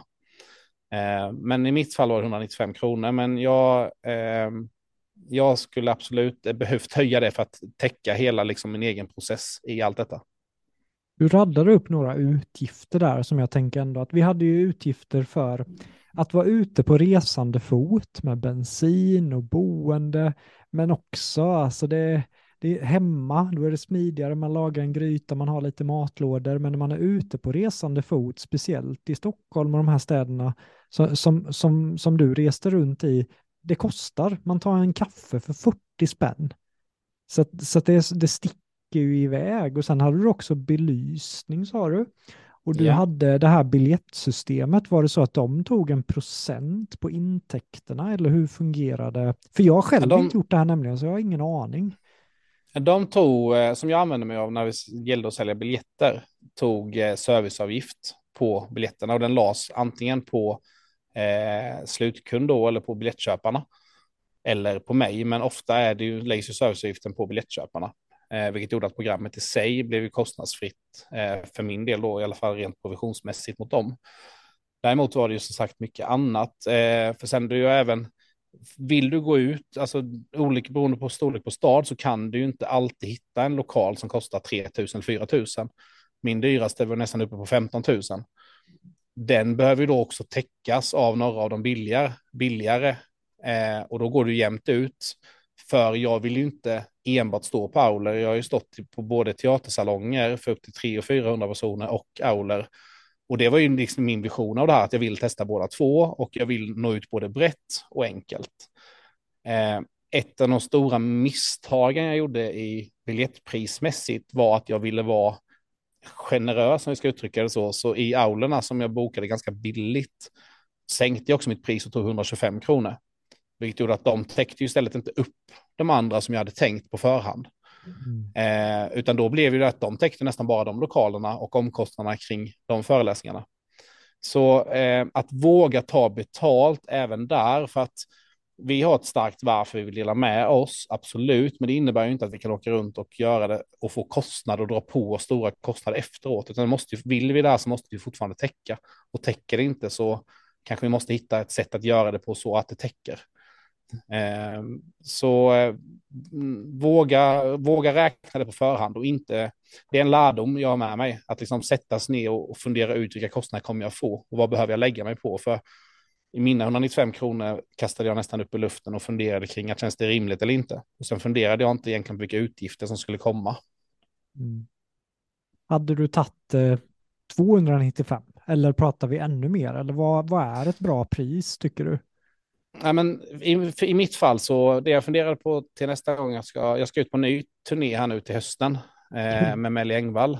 Eh, och, eh, men, men om nästa gång jag gör någonting ensam så ja, 295 är det jag funderar på. Eh, man kan nog gå upp och nudda strax över 300 med, men sen, sen har det ju såklart att göra på liksom vilken målgrupp man vänder sig till och eh, hur, hur, väl spritt sitt eget namn är och så vidare. Men 295 är eh, minimum för mig om jag ska åka ut och göra en egen turné igen för att få ihop, för att få ihop det.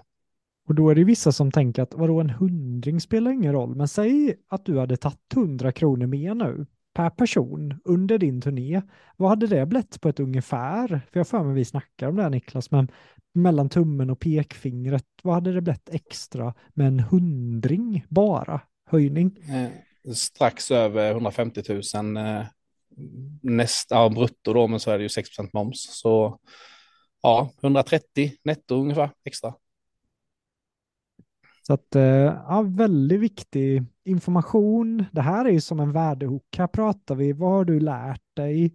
Vad kan vi ta med oss av det här så att folks inte då gör samma lärdomsmisstag kallar jag det. För jag, jag vill inte kalla det misstag, men det var ju som en, en, en stark lärdom för dig Niklas att ta något mer betalt, men det här var också din första turné. Jag och Erik eh, driver ett community och vi hade samma sak där med prissättning. Ska vi, ska vi sätta 50 000? Det var ju vissa som trodde det var värt 100 000 när jag pitchade communityt, men vi satte 10 vår första säsong. För det var våran pilot, vi hade inte gjort det innan och det blev inte så himla lönsamt efter vårt första år, men nu har vi gjort det, vi känner till processerna, då kan vi spänna bågen inför säsong två. Så det här med prissättning är alltid lite trixigt. Vad, eh, vad känner du här Erik? Jo, det är ju alltid en av de stora utmaningarna. Ofta så, så brottas man ju mycket med sig själv och sina egna tankar kring pengar och vad man själv är värd. Speciellt som du sa innan att man här säljer man ju faktiskt sig själv delvis och, och då är det ju extra känslosamt. Det är kanske en annan sak om man säljer en produkt. Det blir lättare att ta avstånd där. Men jag, jag har ju själv också varit i den processen och eh, har ju också gått emellan 195 till 295 var också mitt högsta. Eh, och det funkar absolut. Så jag kan ju bara räcka upp tumme upp till, till det, liksom att det, det, det går eh, även. Men det var också en, en, en kamp för mig där. Eh, att göra det kring prissättningen definitivt. Eh, men också någonting som man får komma över och märka för sig själv att det här funkade. Jag tog också mig själv mer seriöst när jag höjde mina priser, jag, för jag satte liksom eh, ja, nu, nu, har, nu har de här investerat ännu mer pengar för att vara här ikväll. Då gäller det att jag är på mitt A-game, verkligen. Så, så det är också ett sätt att pusha sig själv, tycker jag. Att höja sina priser, se sitt värde, men också sätta det för sig själv. Sen, sen, skulle jag vilja till, tillägga också att det är så lätt att se det som, eh, på grund av att det är biljettpris och vi tänker alltså att det kommer många, att det är klart, hade jag haft 400 personer på varje föreläsning så hade 195 också blivit lönsamt när jag ändå har bokat lokalen. Men, men man ska också tänka in i det här att dels investeringar man har gjort bakom i form att man har byggt en föreläsning, dels alla timmar. Om jag värdesätter min timpenning på 600 kronor i timmen och alla timmar man lagt ner på boka, på telefonsamtal, på allt det grafiska, på annonsering, på marknadsföring. Så då börjar vi nästan närma oss att det är en ganska rimlig peng att ta oavsett. Sen såklart kommer man upp i många, många i publiken, men det är inte säkert att man gör, särskilt inte i början. Eh, så att för en föreläsning då, som jag sa, den högsta dyraste lokalen då för mig var ju 15 000 och jag skulle nog vilja säga, skulle jag slå ut alla mina snittkostnader runt omkring på dels investeringen och föreläsningen och liksom även splitta ut den en del och min egen tid och logi och resa så kostar säkert den mig 25 000. Och för 195 då på 200 personer som ska momsa på det, så jag, då är jag ju plus minus noll. Det är ju bara att då har jag jobbat gratis istället. Så att det, det man ska, man, jag skulle vilja säga att man verkligen ser sitt värde i detta och man vill det väl och man vill det så gärna och då kan det vara värt att kosta så. Jag har resonerat för mig nu att absolut att det var värt det. För nu är jag också så mycket tryggare att ta nästa steg. Men man ska liksom inte underskatta det och känna att vem är jag att våga ta det här priset? För att ofta har vi en resa dit. För de som inte har det, skulle jag vilja säga, är den här typen av föreläsare som kanske åker till en skola, eh, åker dit, pratar om sin historia i 60 minuter utan egentligen någon vidare bakgrundstanke om det och det är jättevärdefullt att de delar med sig, men det är kanske inte heller så att det ger jättemycket värde för de som är där. Eh, men gör man det mer seriöst så ska man våga, skulle jag vilja säga. Men det är mycket tid bakom som man också ska få betalt för. Men jag tycker det är, eh, alltså att man ser ett mönster där ändå, att de som lyckas versus de som inte lyckas, att de som inte lyckas tänker att äh, skitsamma, jag bygger föreläsningen själv, jag jag frågar inte Erik, även om Erik har hel kunskap om så nej, men jag skippar den betalningen till Erik eller jag bygger min egen hemsida utan att ha gått en kurs och sen faller det. Men jag menar om man ska jobba som advokat, läkare eller vad det nu än är, så är det en investering i många, många år för att få en lön på runt 50-60 tusen. Fem, sex år med studieskulder upp mot en halv miljon betalar män, eh, människor för höga löner i anställningar. Och då kan jag tycka ibland det är lite märkligt när vissa föreläsare kommer in nya och tänker att nej men vadå, jag, eh, jag vill inte investera men jag vill dra in 40 000 per föreläsning. Det blir, det blir en något skev självbild men men de som verkligen lyckas är de som vågar investera tid, pengar. De gör det en gång, men sen rullar snöbollen igång. Vad känner du där, Erik? Definitivt. Det är alltid, ja, jo, men de som, de som verkligen ger sig in i det här och säger att jag ska, jag ska lyckas se vem har gått i fotspåren innan mig. Eh, hur kan jag använda den personens kunskap och lära mig, ja, men som nu då när vi spelar in det här. Eh, hur kan jag lära mig av detta? Mm. Eh, och en, eh, en, en, en, sak som jag tyckte du, du gjorde jättebra i, i din biljettförsäljning, om vi är inne, inne på det ämnet igen, det var ju att, att göra det friktionsfritt. Och det är någonting som vi har pratat om tidigare också här, speciellt i avsnitt 10 med Sandra-Stina, att att göra biljettprocessen som kan vara ganska jobbig för många om man är van vid att handla på internet och sånt där. Men du gjorde det jättebra för att det var så enkelt. Hur tänkte du där kring att göra det friktionsfritt med Swish och sms som man fick efteråt och sånt där? Kan du bara förtydliga lite kring hur du, din process gick till där Niklas? Hade du Swish ja, är... Niklas? Wow. Ja men det är eh, jätteenkelt eh, vilket var viktigt för mig och jätteviktigt att göra. Eh, jag skulle vilja dra parallellen egentligen med när man bygger sales funnels, att inte liksom få in eh, dem på en sida och sen så klickar man sig vidare och så försvinner de därifrån eller att det är för mycket steg. Eh, för mig, min del var det att ha en startsida, så som eh, biljettkiosken är upplagd då, är en startsida där man kan liksom lägga in all text. Eh, när man väljer antal, man trycker på nästa och sen fyller man i sina namn och därifrån så var det viktigt för mig när jag valde leverantör i vilka betalningssystem som fanns. Och då ville jag att det både skulle finnas kort och Swish. Sen ville jag även att det skulle finnas faktura. Och den fakturan ville jag inte hantera själv, utan jag ville att välja de faktura så skulle eh, biljettsystemet själv hantera detta. Så i detta fallet så funkade det så att valde någon faktura så kunde jag välja om biljetterna automatiskt skulle skickas ut direkt eller om de på automatik skulle skickas av när systemet kände av att betalningen hade kommit in. Eh, så kom, det var ett par ställen som betalningen inte kom in på, men då kom det inte heller ut några biljetter. Eh, på ett ställe var det en kommun med ganska många biljetter. Då hörde jag av mig och sa att jag ser att ni har bokat 15 biljetter här, eh, men betalningen har inte kommit in. Föreläsningen är imorgon. Vill ni fortfarande att jag ska skicka ut dem så att ni kommer? Eller vill ni inte göra det? Eh, och de ville då vara ekonomi som hade liksom varit sega, så det enk var enkelt att få en överblick på det. Så att det var viktigt för mig att de enklaste betalningssätten skulle funka och finnas där. Sen, sen som du säger med det friktionsfria efteråt, att det skulle vara enkelt att hitta sin biljett, det skulle vara enkelt att följa upp, det var att det skulle finnas en sms-tjänst i, i tjänsten. Och det gjorde det även här, så jag kunde själv skriva min egen text som skulle skickas ut efter att man bokade en biljett. Och jag kunde även skicka sms ifrån systemet till just biljettköparna i respektive stad eller till alla och så vidare. Vilket gjorde det enkelt när man ville följa upp eller man kanske ville försöka boosta försäljningen lite mer eller skapa en tävling och så vidare.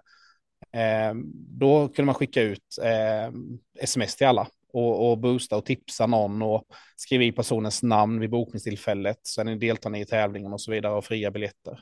Eh, så, så det var viktigt för mig, precis som du säger, enkelheten eh, och att det ska, det, ska vara, det ska vara enkelt och snabbt oavsett om det är från telefon eller dator.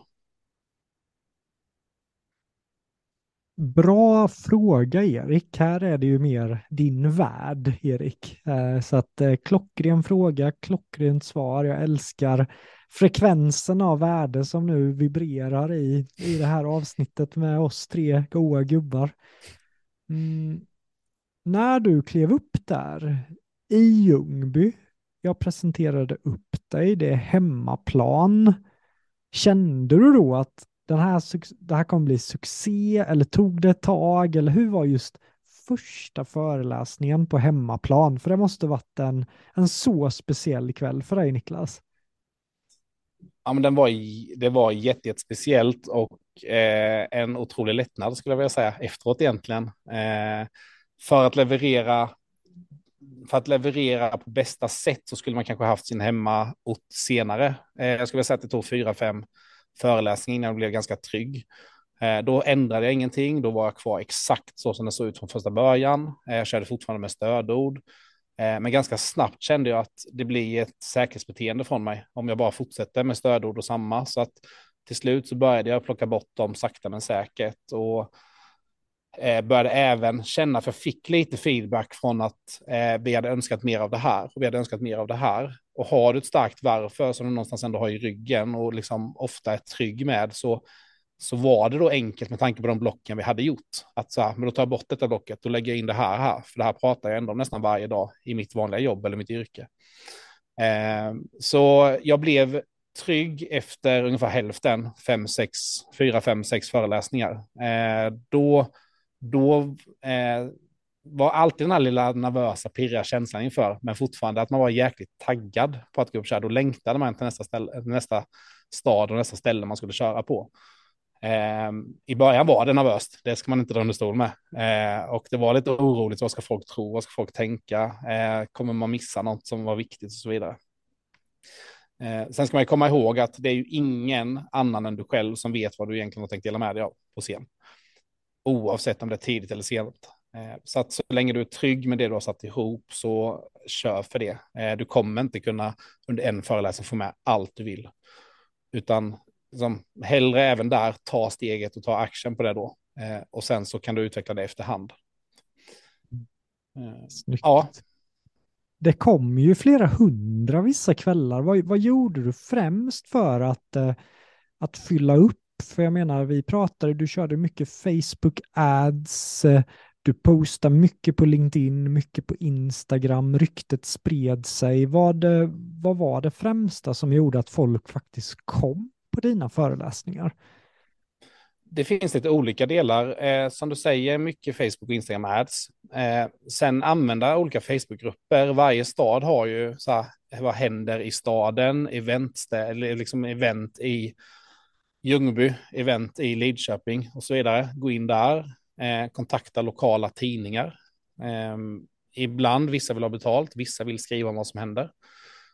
Det jag skulle göra nästa gång eller vill göra bredare är att kanske till och med försöka samarbeta med och hitta utlottning av biljetter eller liknande med kanske så här centrumföreningar i respektive stad och sånt som man kan börja få upp affischer på, liksom, i, på, i staden dit man kommer eh, på rätt ställen.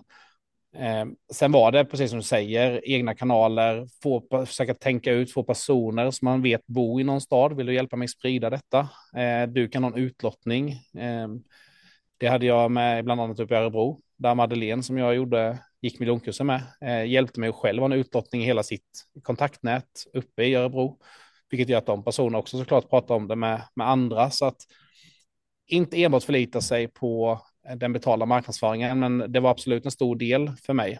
Eh, sen är väl ett sånt här tips också att att ändå acceptera att vissa städer sålde bra, vissa säljer dåligt jättesvårt ibland att veta varför. Jag har försökt analysera, jag har försökt gå ner på både ålder, målgrupp, visningar, antal klick, unika klick.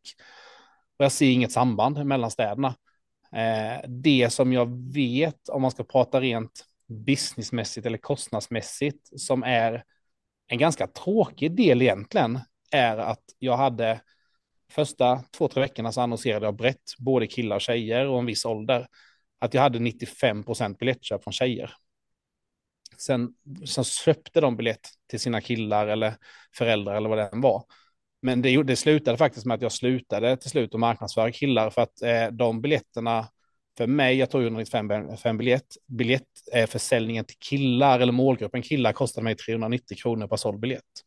Så det var liksom dubbelt så dyrt till slut för att få dit en kille via biljettköpet.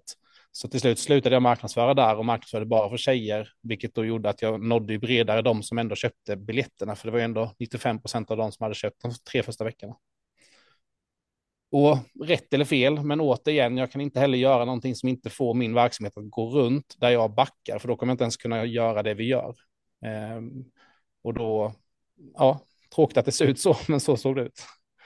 Men Alltså fattar du att du, det du gör här, många anlitar ju en byrå för Facebook marketing och du media, alltså hur många hattar hade inte du på det här egentligen? Och du gör det här själv, det är så galet imponerande. Vad, vad känner du här Erik? Jo, det är det ju verkligen. Det är ju så mycket att hålla koll på och bara, ba, bara marknadsföringen är ju en djungel som man har sett sig in i och som du sa, jag jag satt och skrattade här samtidigt när du berättade det här, för det var exakt samma sak för mig. Jag gick exakt samma resa med att eh, kvinnorna var de som, som köpte biljetterna. Nu har ju vi ganska liknande ämnen och så där med eh, psykisk ohälsa-delen och så. Men ehm, ja, det var exakt samma sak för mig där. Alltså att för att få det att funka så behöver man ju anpassa sig. Ehm, men spännande att höra hur du, hur du taktiskt liksom byter riktning lite, inte, inte bara ja, ja, det blev så här, utan byta kurs hela tiden för att det ska få funka. Eh, eh, en, en, eh, en sak, sak som jag var nyfiken på också var ju att Säg att de har köpt biljett nu, de har fått smset, de hittar till lokalen och allting. Hur tänker du när deras första intryck av lokalen, när de kommer in, för det är ju också en stor del, att få någon att känna sig trygg när de kommer till föreläsningen. Hur, hur har du tänkt där? Liksom, jag vet ju många som, som till exempel möter, möter alla personer som kommer i entrén, skakar hand med många, gör de också, kollar biljetter och får ögonkontakt med dem. Hur har du tänkt där också kring det? I, och med att jag ville göra en riktig turné då som jag, jag vill, jag tänkte, min målsättning för mig själv var hela tiden mer än bara en vanlig föreläsning. Det var även mitt ord, inte bara för när jag står på scen, utan även att känslan skulle vara där runt omkring. Så en av delarna var det här med att jag tog fram rollapper också, för att jag vill att de kommer så ska de känna att det här är något riktigt. Det här är inte att man bara står där uppe i 40 minuter och så går man hem igen återigen inget fel i de som vill göra det, men jag hade en högre vision än så. Så att jag tryckte för upp eh, fyra stycken lappar som sitter ihop, en meters, så det blev en fyra meters vägg som jag hade i entréerna. Eh, dels så tog jag fram eh, gatupratare, eh, affischer och eh, hade en gatupratare som jag ställde utanför, framförallt i skolorna eller i aulorna, för att där är det ofta lite svårt att hitta lokalen. Och sen hade jag, jag provade lite olika saker. Dels hade jag en vän som följde med mig runt och tog inträdet på vissa ställen. Det känns, kändes bra när det var på de stora teaterscenerna, ska jag säga, eller där det var runt 150-200 personer. Eh, då, då tycker jag det kändes liksom, det blev en seriös känsla samtidigt som man var lite extra nervös och behövde fokusera på sig själv och ville fokusera på sig själv den första sista kvarten, halvtimmen inför och sitta och bara liksom gå ner i i sina egna tankar och känslor. Skolorna som jag var på då, de, jag var ju på två olika auler och sen var jag på några mindre ställen som hade runt 90 personer och 100 personer så där stod jag själv i entrén. Och det var också faktiskt väldigt, väldigt trevligt att så här, hälsa på alla, precis som du säger, när de kom och hälsade dem välkomna och de frågade om det var platsbokning och de frågade om det var jag som var Niklas och någon hade läst på mig inför och tyckte hela min resa var spännande utifrån det de hade hittat och eh, det blev extra bra kontakt faktiskt, för jag säga, när jag stod i entrén själv. Eh, det fick jag också på min reviews efteråt på ett par ställen att väldigt, väldigt trevligt att träffa dig innan. Eh, så det är eh, jag skulle nog kanske inte heller som sagt nödvändigtvis göra det igen varje gång utan från lokal till lokal. Men där det är lite större scen, lite större lokal. Eh, på ett par lokaler hade jag ju, var det ju personal som ingick i hyran som gjorde det här. Eh, och där de liksom hade sina egna affischer, man hade sina egna LED-skärmar, de hade satt upp reklam på. Där kände, hade det nog bara känts konstigt tror jag, om jag skulle stå och liksom sen springa förbi alla och springa upp på scenen. Men de här lite mindre ställena, eh, jättebra val att göra det. Ska jag säga. För det var också en tryggare kontakt man själv fick när man väl gick upp sen. Ja, precis. Det var det jag tänk, tänkte också, eller som, eh, alltså som jag känner att dels så vet ju jag, jag känner ju av energin i de som kommer. Jag vet personerna som kanske är väldigt obekväma. Speciellt med ditt ämne så är det ju vissa personer som kanske inte vill vara där ens, utan de är lite mer dit tvingade. Och då kan man ju känna av det att okej, okay, den här personen eh, har, har den här energinivån just nu, jag kanske kan börja på det här sättet, så det är ett bra sätt som vi pratar om ibland att, att känna av trappan. Var, var är man i energinivå? Hur, på vilket sätt ska jag börja? På vilket sätt kan jag komma ut med energi? Eh, också för att de ska kunna känna sig ännu tryggare så tycker jag det är ett väldigt fint sätt. Men jag förstår absolut ditt tankesätt också. Nej, men, och så som du säger eh, så, så, tycker jag det ligger en dimension till i det också. För det är också det här att när du står och tar emot, att du någonstans får en känsla. För man ska inte glömma att de har bokat biljetter oftast till någon som de inte vet vem det är. Särskilt mm. när det varit eh, betald marknadsföring. Och ibland bara för att någonstans få över dem på sin sida ganska snabbt. För att annars kanske man ändå jobbar lite motvind. För det kommer ut någon som i mitt annonsmaterial till exempel hade jag inte ens mitt ansikte på. Eh, och klart när jag kom i städer och de inte ens hade sett hur jag såg ut, det blir en mm. lite så här, vad har vi kommit, vem är det vi ska kolla på, eh, vem är han, vad gör han?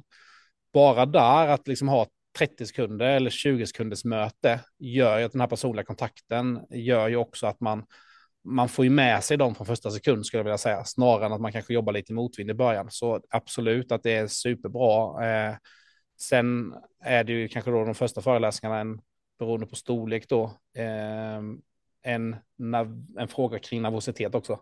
I Ljungby hade jag nog inte klarat att stå och ta emot alla, tror jag, till exempel min första föreläsning. Men, men, eh, nej, men har man möjlighet och kan och, eh, och liksom är trygg i det så det finns bara fördelar ska jag säga. Att ta emot dem och stå själv och ta emot.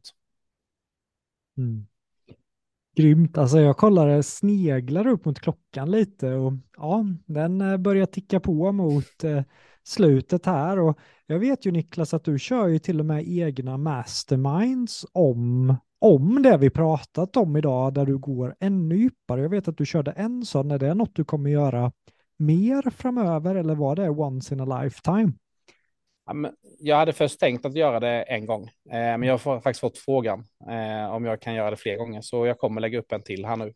Mm. För att jag märker också att behovet är så stort och önskemålet. Och den, där går jag ju mer igenom också mer praktiskt, alltså jag delar skärm, jag visar, eh, jag visar de faktiska misstagen jag gjorde, eh, både när det gäller liksom annonseringen, men också hur kan vi fånga upp leads efteråt, hur, eh, hur kan en scen se ut, hur kan man få det att eh, fungera runt omkring, behöver man personal eller inte, vilka lokaler är bra att boka. Eh, tekniken är en sån bit vi inte har pratat om idag så mycket.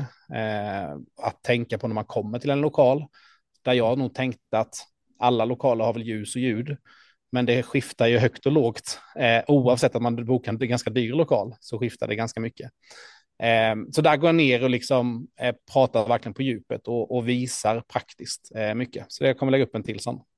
Jag tänker att vi kan ju lägga den här under avsnittet så att vi släpper släpper det här poddavsnittet i samsynk när du har det datumet klart, tänker jag Niklas också.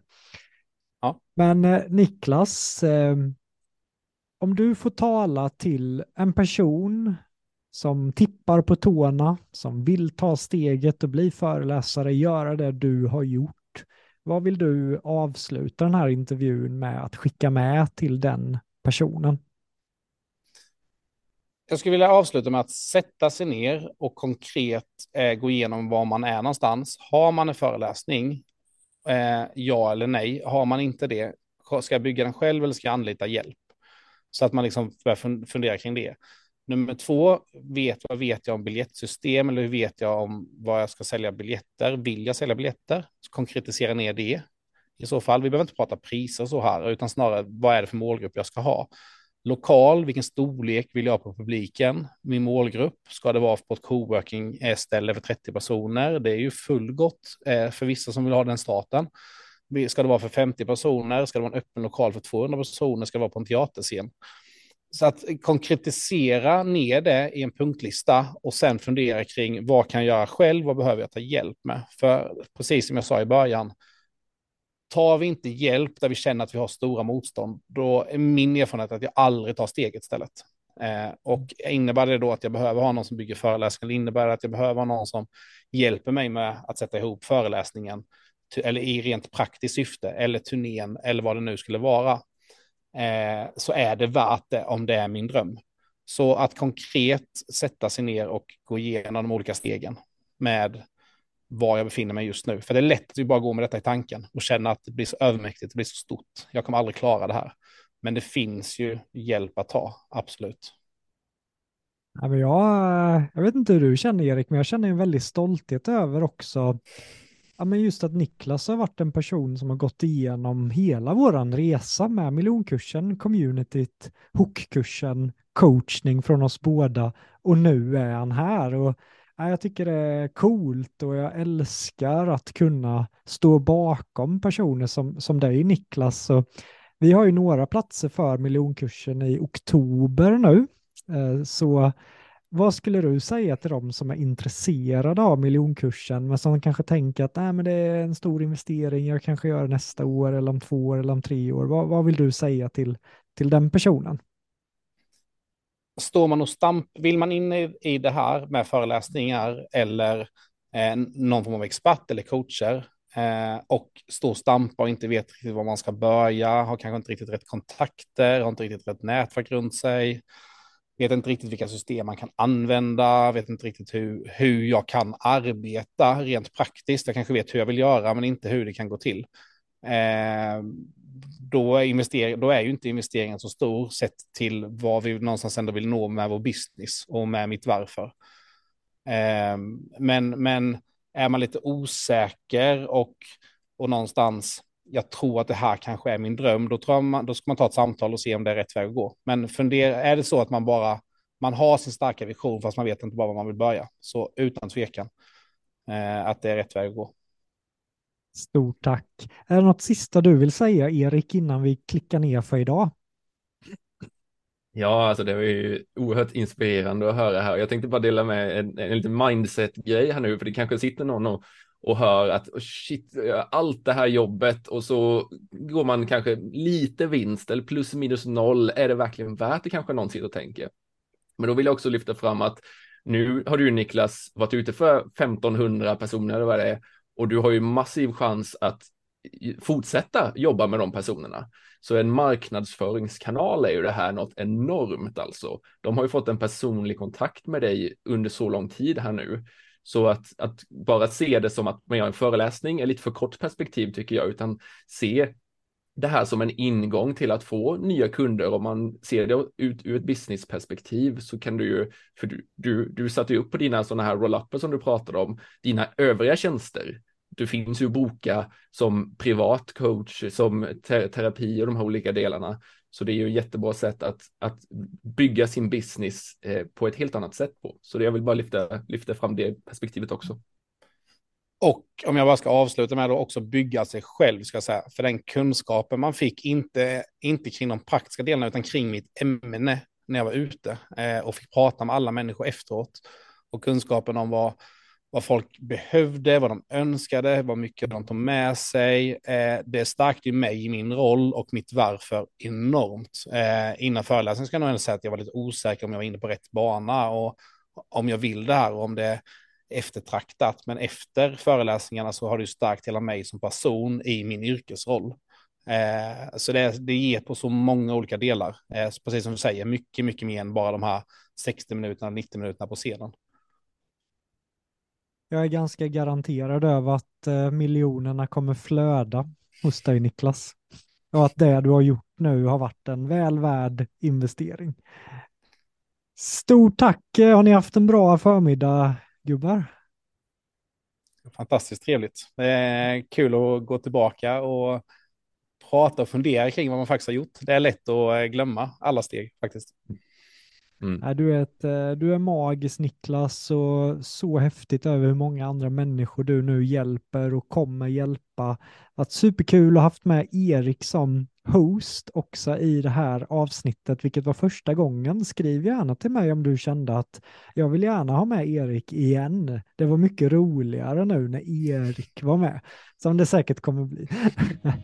Tack för att du har lyssnat på det här avsnittet. Hjälp oss gärna att sprida den här kunskapen till andra om du gillar det här och om du är intresserad av miljonkursen, kontakta mig. Vi har platser kvar för oktober och jag är fett taggad på att skapa ännu ett successcase som är där ute och hjälper andra människor.